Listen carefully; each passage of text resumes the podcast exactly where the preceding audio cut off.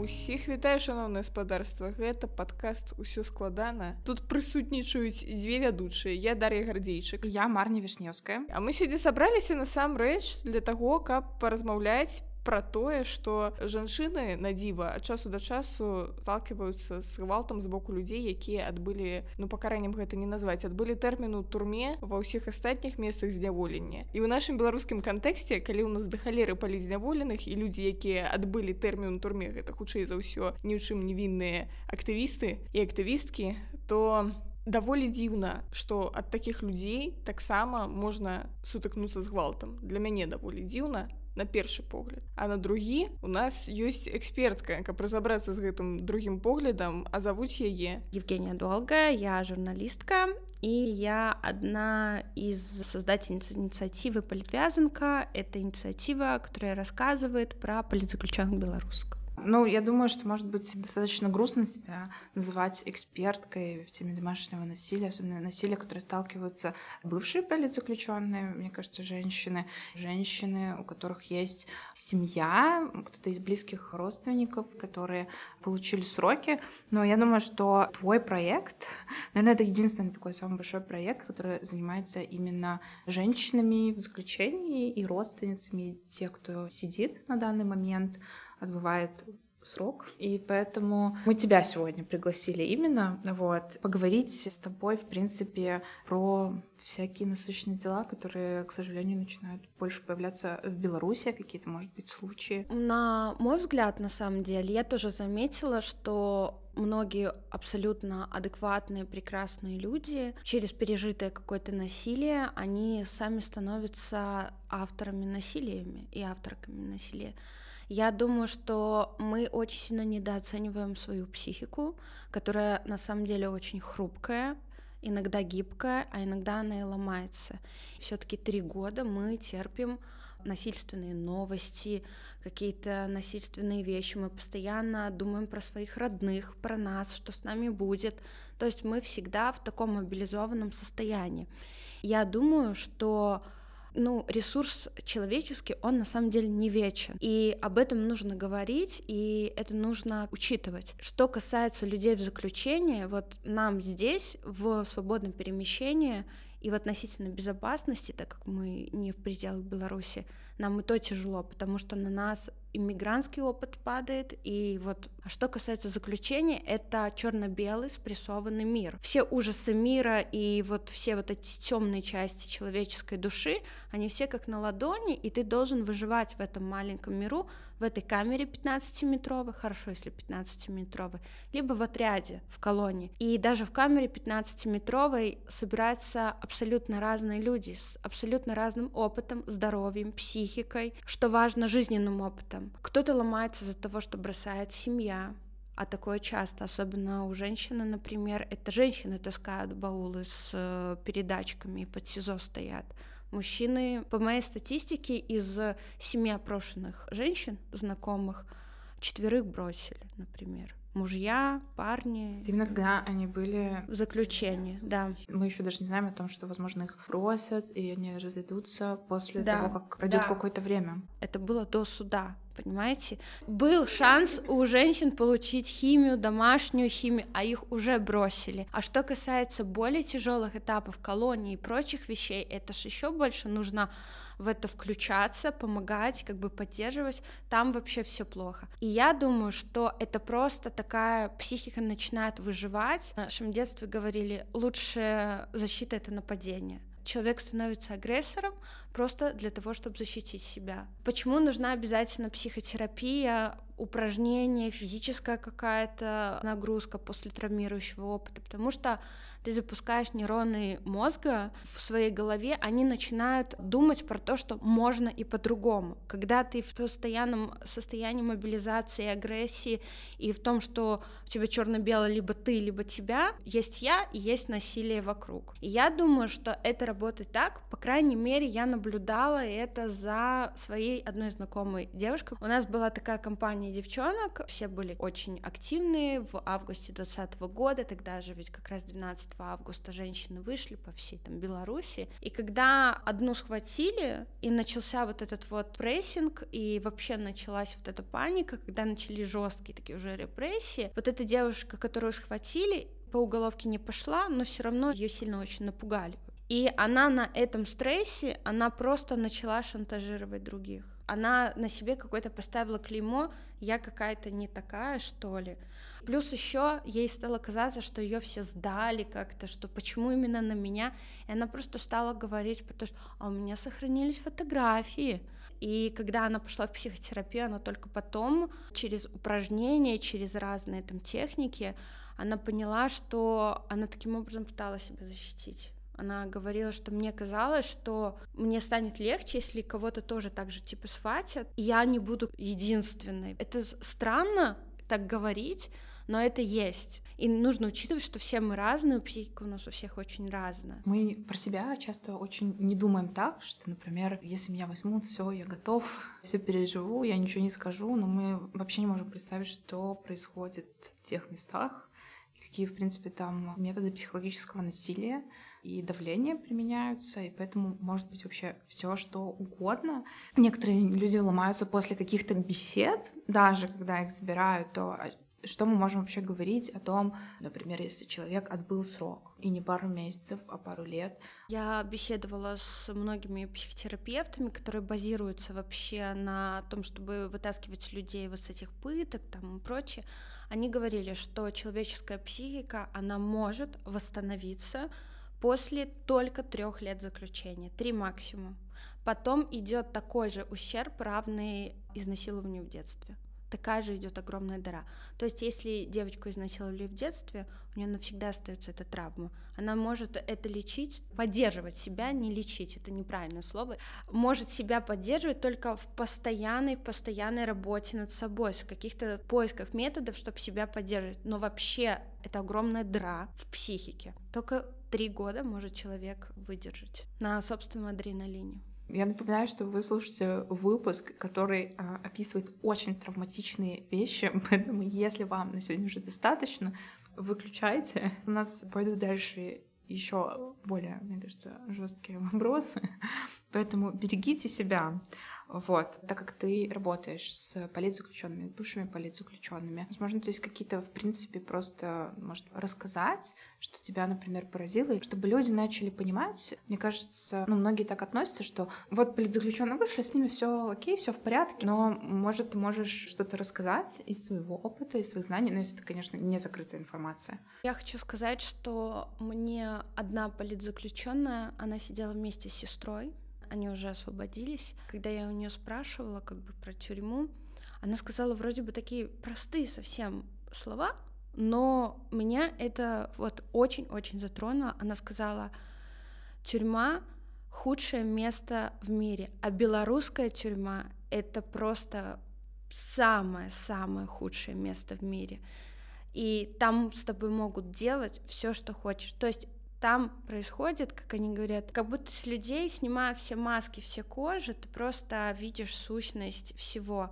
Твоя жизнь ничего не стоит. То есть за блок сигарет могут с тобой сделать все, что угодно. То есть тебе уничтожают все самое лучшее, что в тебе есть. Ты превращаешься в зомби. И за территорию колонии, чтобы убирать колонию женскую в Гомеле, вот Гомельская это женская колония, туда пускают женщин, ну, которые, ну, много лет уже сидят, и которые вплотную сотрудничают с администрацией. И все родные, кто передавали передачки в колонию, они видели этих женщин, они говорили, это серое существо, как зомби, вот как uh, Last of Us сериал новый, одни из нас, которые вот эти пораженные этим грибом зомби, они говорят, одно и то же, только не щелкают. Настолько вот тюрьма все вытягивает, все человеческое изнутри, что человеку проще стать зомби, чтобы хоть как-то типа как овощ дожить.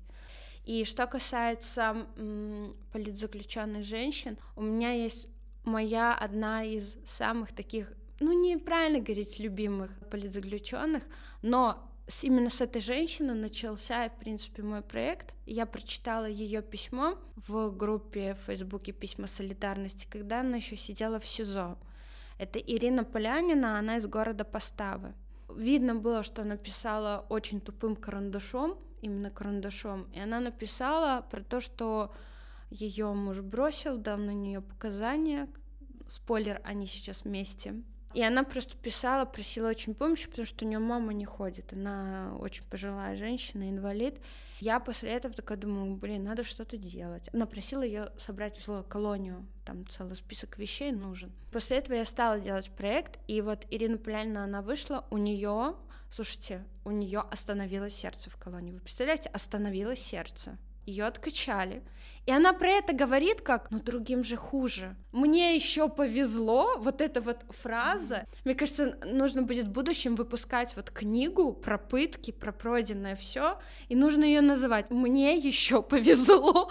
Это же ведь именно измотан человек этим всем насилием системным, на самом деле. Ей там нужна была помощь, ей там разнесли квартиру, все ей помогали, но она не понимает, что есть там психотерапия, есть там психиатрия, ей где-то нужно что-то попить успокоительно, она всегда на какой-то тревоге, и она постоянно нападает на других. Она вот, муж там пришел ее просить прощения, она его простила, она его оправдала, но она что стала? Они стали пить эта дыра внутренняя, ее чем-то нужно заполнять. И у нас такая проблема сейчас. Ты, может быть, она бы и пошла бы к какому-нибудь вот такому кризисному специалисту. Но она живет в Поставы. Это маленький город, в котором все вокруг шепчутся, какая она злостная нарушительница из-за того, что она написала комментарий на участкового тварь. Написала тварь, остановили сердце. Мы просто с Дашей сидим с открытыми ртами. Последние минут 10 просто это слушаем. И, ну, как бы ты это постоянно слышишь, читаешь эти постоянные истории, но вот пришла Женя, и типа это снова все рассказывает, и это снова как будто, ну, дно пробивается каждый раз. Вы знаете, мы когда иногда снимаем видео, где рассказываются про пытки, просим каких-нибудь медийных белорусов про это рассказывать, всегда, когда человек начинает говорить это вслух, вот читает суфлера, его сразу пробивает, ему нужно минут 10 прийти в себя. Ну, то есть, хоть мы предупреждаем, это очень тяжело. Вот у нас было такое с Сашей Вулиным. Он пришел на позитиве записывать видео в байке кайф, кайф, кайф. А потом он, когда начал вслух это читать, он такой, слушайте, я пойду поприседаю, потому что мне плохо. Это я про то, что, вот возвращаясь к Ирине, она, может быть, и пошла бы куда, но некуда пойти на самом деле люди уже такого возраста, ну, не все знают, что можно найти, например, психотерапевтку, которая, например, живет в Варшаве, с ней заниматься там по скайпу. И на это, конечно же, тоже нужны деньги ты пока не придешь и лично не дашь этому человеку в руки ссылку, что делать, как делать, и при этом еще, мне кажется, ну, не станешь его менторкой, например, какой-то, иначе он на следующий день скажет, ну все, я приношу всем неудобства, это сложно, и все, я этого не буду делать. Ты вот сейчас говоришь, у меня прям внутри отзывается это, потому что мы с коллежанками с весны говорили про это, она говорит, идеальный вариант, чтобы восстановить человека, нужно осознанных таких менторов, не один, а 4-5, которые тебя будут за руку сопровождать, и ты восстановишься. На самом деле, ну, человек восстановится. Но это нужно постоянная работа. Это вот нужно вот прямо человека с дна вытягивать из этого. Такие, как вот Ирине, там ей 50 три года вроде бы. Женщина растила кроликов, курочек, ездила по грибы, по ягоды. Она жила себе нормально, спокойно, работала всю жизнь и просто написала комментарий в Одноклассниках. Такие люди будут замыкаться, и они будут употреблять. Это, мне кажется, не обсуждают публично ни в каких СМИ, но просто среди активистов активисток, что очень многие, кто выходит, они начинают употреблять алкоголь. Алкоголезависимые люди могут быть более агрессивны и больше склонны к насилию. И уже это какой-то, ну, замкнутый круг да. уже получается. Ты знаешь, есть какие-то, может быть, психологические программы, центры целенаправленно только становлением политзаключенных после срока? Я не знаю, но я слышала, что было несколько таких программ. По крайней мере, я слышала, что политзаключенных студентов, когда вышли они, свой же там профсоюз студентов, им сделал хорошую такую программу вместе с родными. Там же в чем важность?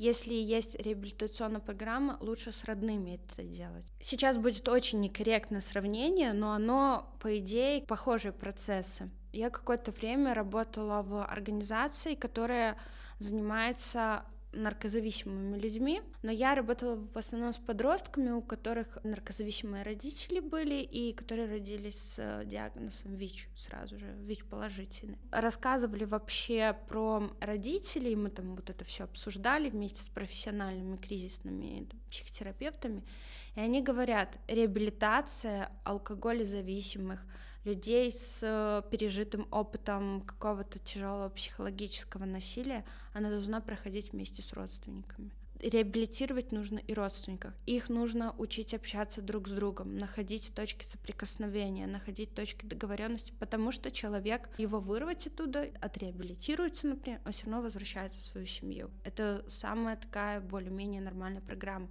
Поэтому, когда женщина выходит, ее нужно обязательно с ее же детьми мужем, если остался, нужно реабилитировать, потому что дети Беларуси самые беззащитные создания.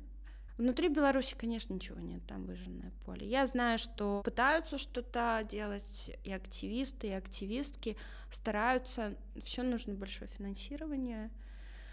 Ну, я думаю, что что-то да придумают.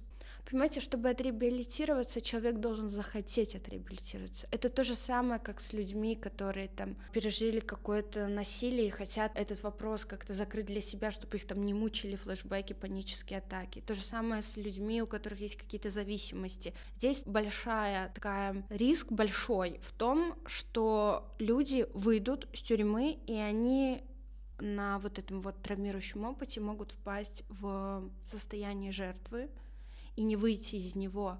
И в этом жертвенном состоянии уже человек может и пить, и бить, и думать, что ему все можно. Как военные люди. Ну, то есть, когда люди с войны приезжают, они же просто кошмарят свою семью. И при этом они себя оправдывают тем, ой, ну я же воевал, я же такое пережил, где жертвенность, есть инфантильность. И это все вот эти вот процессы, очень сложно, и людей нужно убедить в том, что им важно реабилитироваться. Вот как-то нужно вот с этим работать, чтобы они хотели реабилитироваться. Вот этот вот стержень внутри. Я зараз індывідуальнага ўзроўню так гляджу крышку на сацыяльнай І я думаю господи боже мы все кажам новая Беларусь новая Беларусь настолькі праблем будзе ў гэтай новай Беларусі элементарна калі у вас 10 тысяч палізняволеных каб вы хацелі не ведаю усім бескаштоўныя путёўкі ў санаторый адправіць ну у нас усе санаторыі мусіць працаваць цэлы год просто там я не ведаю два гады і не абслугоўваць нікога акрамя там палізняволеных давайте ўсё ж таки мы вернемся у сітуацыю дзе напрыклад у нас ёсць мужчына былы палізняволены ён перажыў свой турэмны досвед он выйшаў з турмы распаўсюджанай сітуацыя яны з партнёркай з'ехалі у бяспечныя краіны і вось там пачынаецца хатні гвалт у чыстым відзе якраз з той нагоды пра якую ты распавядала таму што псіхіка чалавека вось так адрэагавала на ўсе гэтыя траўматычныя падзеі ці можа быць ёсць нейкія рэкамендацыі што рабіць жанчыне якая апынулася ў такой сітуацыі зараз мы маем вось еще одну ахвяру хатнего гвалта. Обязательно нужно обращаться во все имеющиеся европейские организации, которые работают с домашним насилием. Я знаю одну историю, где женщина терпела, это в Польше было. Нужно понимать, что европейские вообще вот НГО, которые работают с э, женскими правами, с домашним насилием и прочими, они работают хорошо. И в Европе соблюдаются законы. Я считаю, что нужно всеми способами спасать себя, всеми способами. И, конечно же, он начинает обижать свою жену, там эмоциональное насилие, физическое, не дай бог, еще какое-то. С ним же тоже нужно работать. Мне кажется, что нужно использовать все способы, чтобы его, возможно, даже насильно не дадим легализацию, пока не пройдешь вот эту вот психотерапию обязательную и реабилитацию в том числе. Это же опасно для всех, на самом деле. Это не только для женщин. Сегодня эта женщина, завтра как другой человек. У меня был просто момент, когда я видела с человеком, он не сидел, но он был на войне, белорус. И я его видела в агрессивном состоянии. Все это с ПТСР связано. И я хочу сказать, что это просто ужас. Я была просто на грани вызвать полицию, потому что этот человек, он опасен. И мне кажется, что женщине нужно все-таки не жалеть, а именно обращаться идти в, возможно, в белорусские центры, которые подскажут, куда обратиться, писать во все мейлы, во все горячие линии и спасать себя. Але ж тут паўстае пытанне вось якраз наконт легалізацыі. У мяне б, напрыклад, першая думка была б так: А што калі мая легалізацыя правязаная да яго легалізацыі там напрыклад калі пераязджае адзін член сям'і і за ім усе і калі там чалавека пазбавіць працы то ўсіх астатніх і дзяцей жонку і ўсіх пазбавіць легалізацыі значит у мяне былі б такія апасенні першыя потым а вось у мяне дагэтуль няма віда на жыхарства. Тут мы штосьці зрабілі рэгістрацыю страхоў я штосьці забегалася забыла. О Боже можа быть я тут парушаю увогуле усе еўрапейскія заканадаўствы мяне саму арыштуюць тому что я тут не так легалізавалася як было патрэбна. Я понимаю. Меня саму бесит то что я мигрантка. Я чувствую постоянное вот это вот какое-то ощущение что мне постоянно нужно доказывать, что я человек не второго, не третьего сорта, что я такой же человек. Но вы знаете, если честно, вот почему-то я подумала, что про жену айтишника, мне кажется, что нужно обращаться в компанию, где работает мужчина. Все-таки работодатель, он может надавить. В Европе ты обязан чтить какие-то законы. И я думаю, что а есть же семьи, которые, например, там в Грузии, в Армении, сейчас в Америке даже, и ты просто оторвана от всего, к тебе не приедут никогда родитель, к тебе часто могут даже не приехать друзья, там, ладно, еще в Грузии есть какой-то комьюнити, но, например, в каких-то отдаленных странах, в Португалии, есть и в Великобритании, и в Америке, вообще типа непонятно, что делать. У тебя даже нет денег на обратный билет зачастую, потому что ты сидишь с детьми, муж работает. Но есть проект «Лабиринт», Анны Ривиной, который занимается именно помощью женщинам в эмиграции, связанные с домашним насилием, ну и, в принципе, по разным юридическим делам. И он очень крутой, потому что там можно и написать, проконсультироваться, и там есть на каждую страну какие-то менторки, просто вот эти люди, которые возьмут тебя за руку и проведут, потому что это самое важное. Важно юридическую помощь какую-то оказать, ну, там, консультацию, например, с адвокатом или юристом. Но еще часто есть все эти инструменты, вот вам 50 адвокатов, но люди просто не могут себя заставить психологически написать, им стыдно, что это произошло с ними, что, а что подумают, а как потом объяснять всем, что мы разошлись. И я знаю, что там есть вот просто волонтерки, помощницы, которые могут просто за руку провести тебя, помочь. Ты про поздняка хочешь почуть Она очень хочет, чтобы я сказала, что с поздняком я. Мы спросим у Жени, как прошел вчера ее день. Мы с дочкой, с моей мамой приехали в открытый бассейн в Варшаве, купаемся. Тут моя мама говорит, ты только посмотри, кто тут. И тут плавает Зенон Поздняк. И не тонет. Спойлер, у него не морщинистое тело все, что вы хотели знать про Зенона Поздняка. А, и в длинных плавках, таких до колена. И вы пообщались? Мы пообщались. Он сказал, что его жена где-то там и показал за забором. А моя мама спросила, ну, вы же тут аккуратнее, тут много женщин, кто на вас может засмотреться. И он такой, ха-ха-ха, кокетка. Такой, ладно, я поплыл к жене. За забор. А ты вот подошла к Зенону Позднякову и спросила, Зенон, где донат на политвязанку? Нет, слушайте, не подошла, а не подплыла. спросила. А он, кстати, нырял даже, оп. Я спросила, как ваши справы, он сказал, рыхтуемся освобождать Беларусь. А что вы робите у громадском бассейне у Варшаве? А мы рыхтуемся вызволять Беларусь. То есть это не в тире было, понимаете, это был бассейн. Ну, надеюсь, если вам было очень плохо в начале этого выпуска, ну, хоть вам сейчас немножко стало полегче. Но давайте вообще спросим сейчас про Женю. Вообще планы какие-то на политвязанку? Как ты отдыхаешь? Как ты вот занимаешься такой травмирующей темой? Ты сама ходишь к психологине, я надеюсь? Да, да, конечно. Спасибо психологине. Женя долгая, она святая женщина. Ой, я хожу к мужчине. Ён еще в бассейне любит поплавать. Не, не к этому.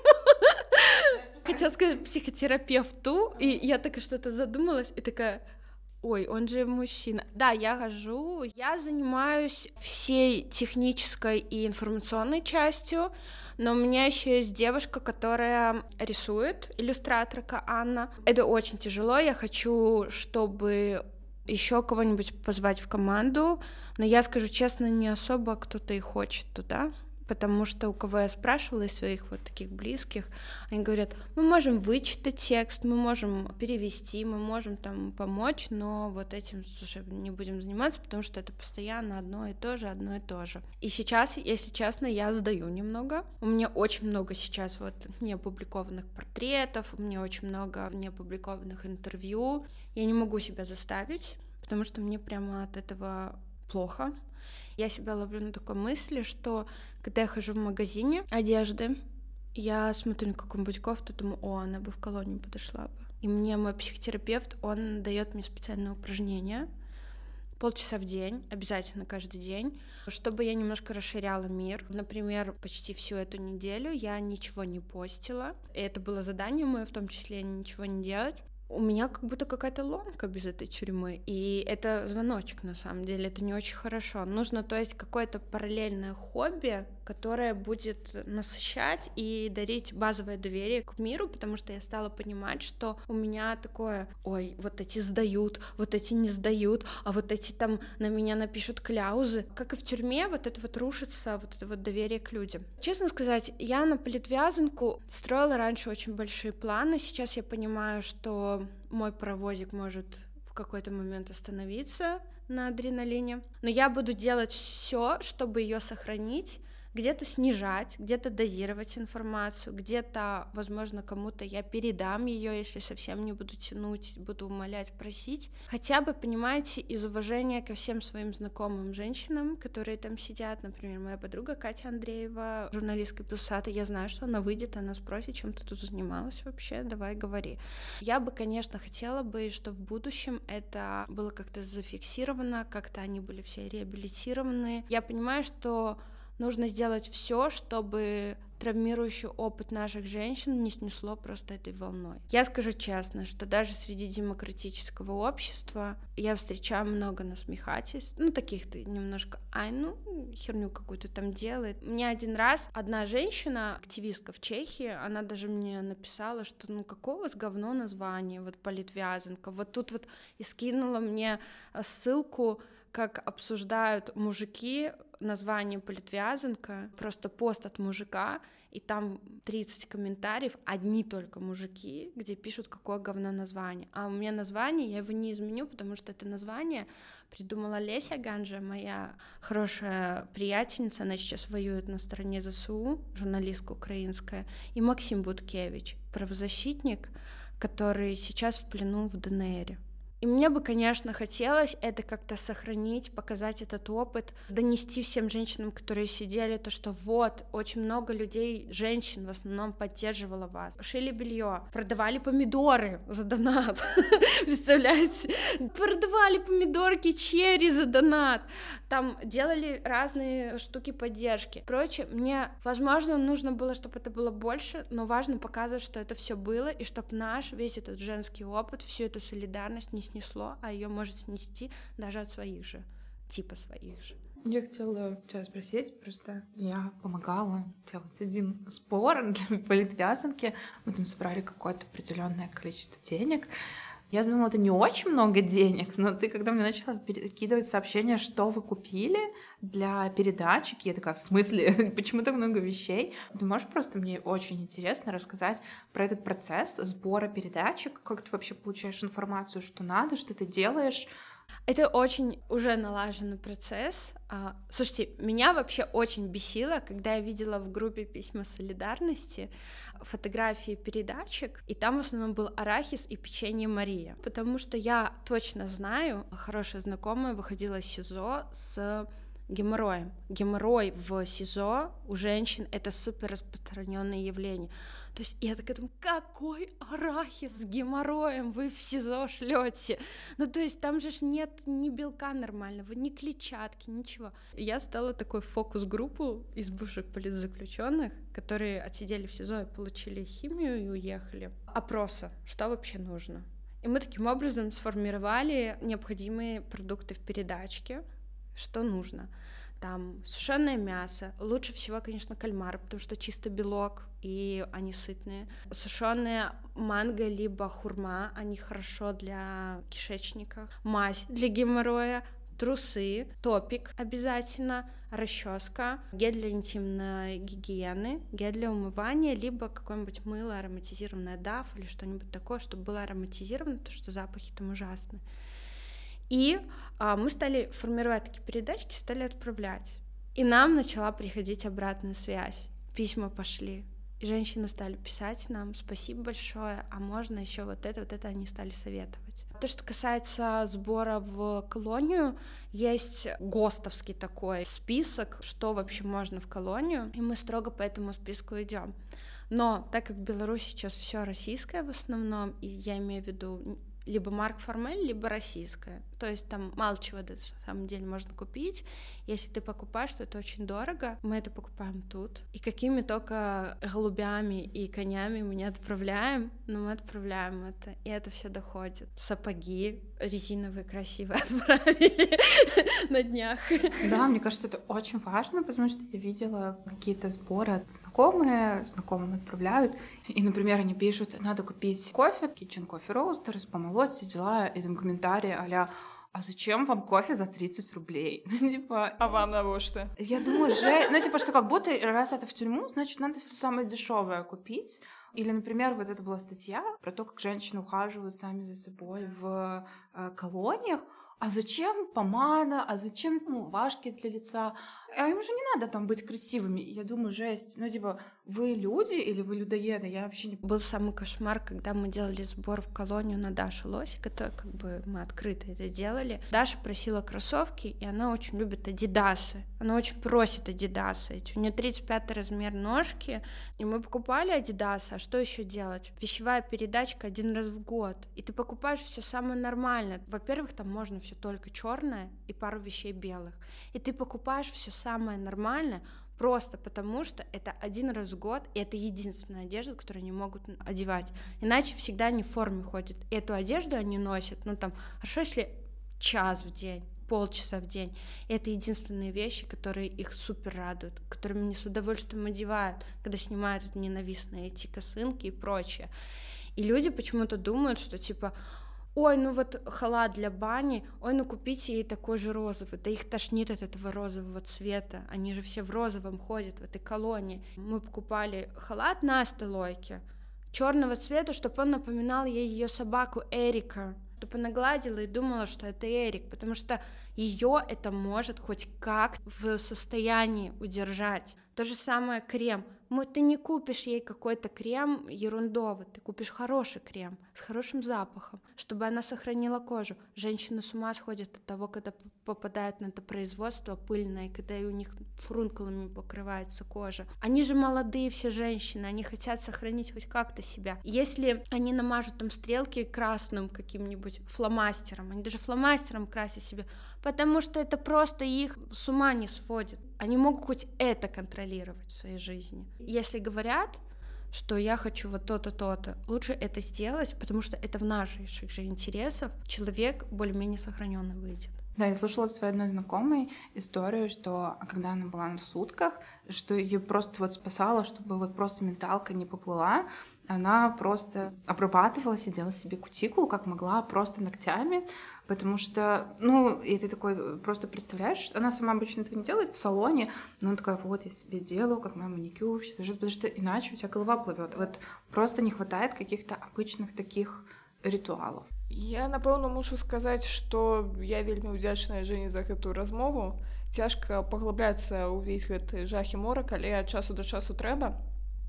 І трэба вам шаноўна гаспадарства зараз паставіць лайк, паглядзець апісанне там ёсць усякія карысныя спасылкі подпісацца трэба на палітвязанку таксама есть ссылка на донаты донаты PayPal если у вас есть зарубежная карточка вы можете ее отправить а если вы не можете отправить никакой донат вы можете просто зайти на любой список политзаключенных выбрать например любую женщину и просто написать ей приятную открытку да это огромная просто поддержка а если боитесь отправить этой женщине отправьте ее ребенку. Дети все сейчас в интернетах, и они пишут на политвязанку, спрашивают, может, вы знаете что-то про мою маму. Это тоже очень большая поддержка, когда женщина сидит и знает, что ее ребенка поддерживают, она более сильная духом.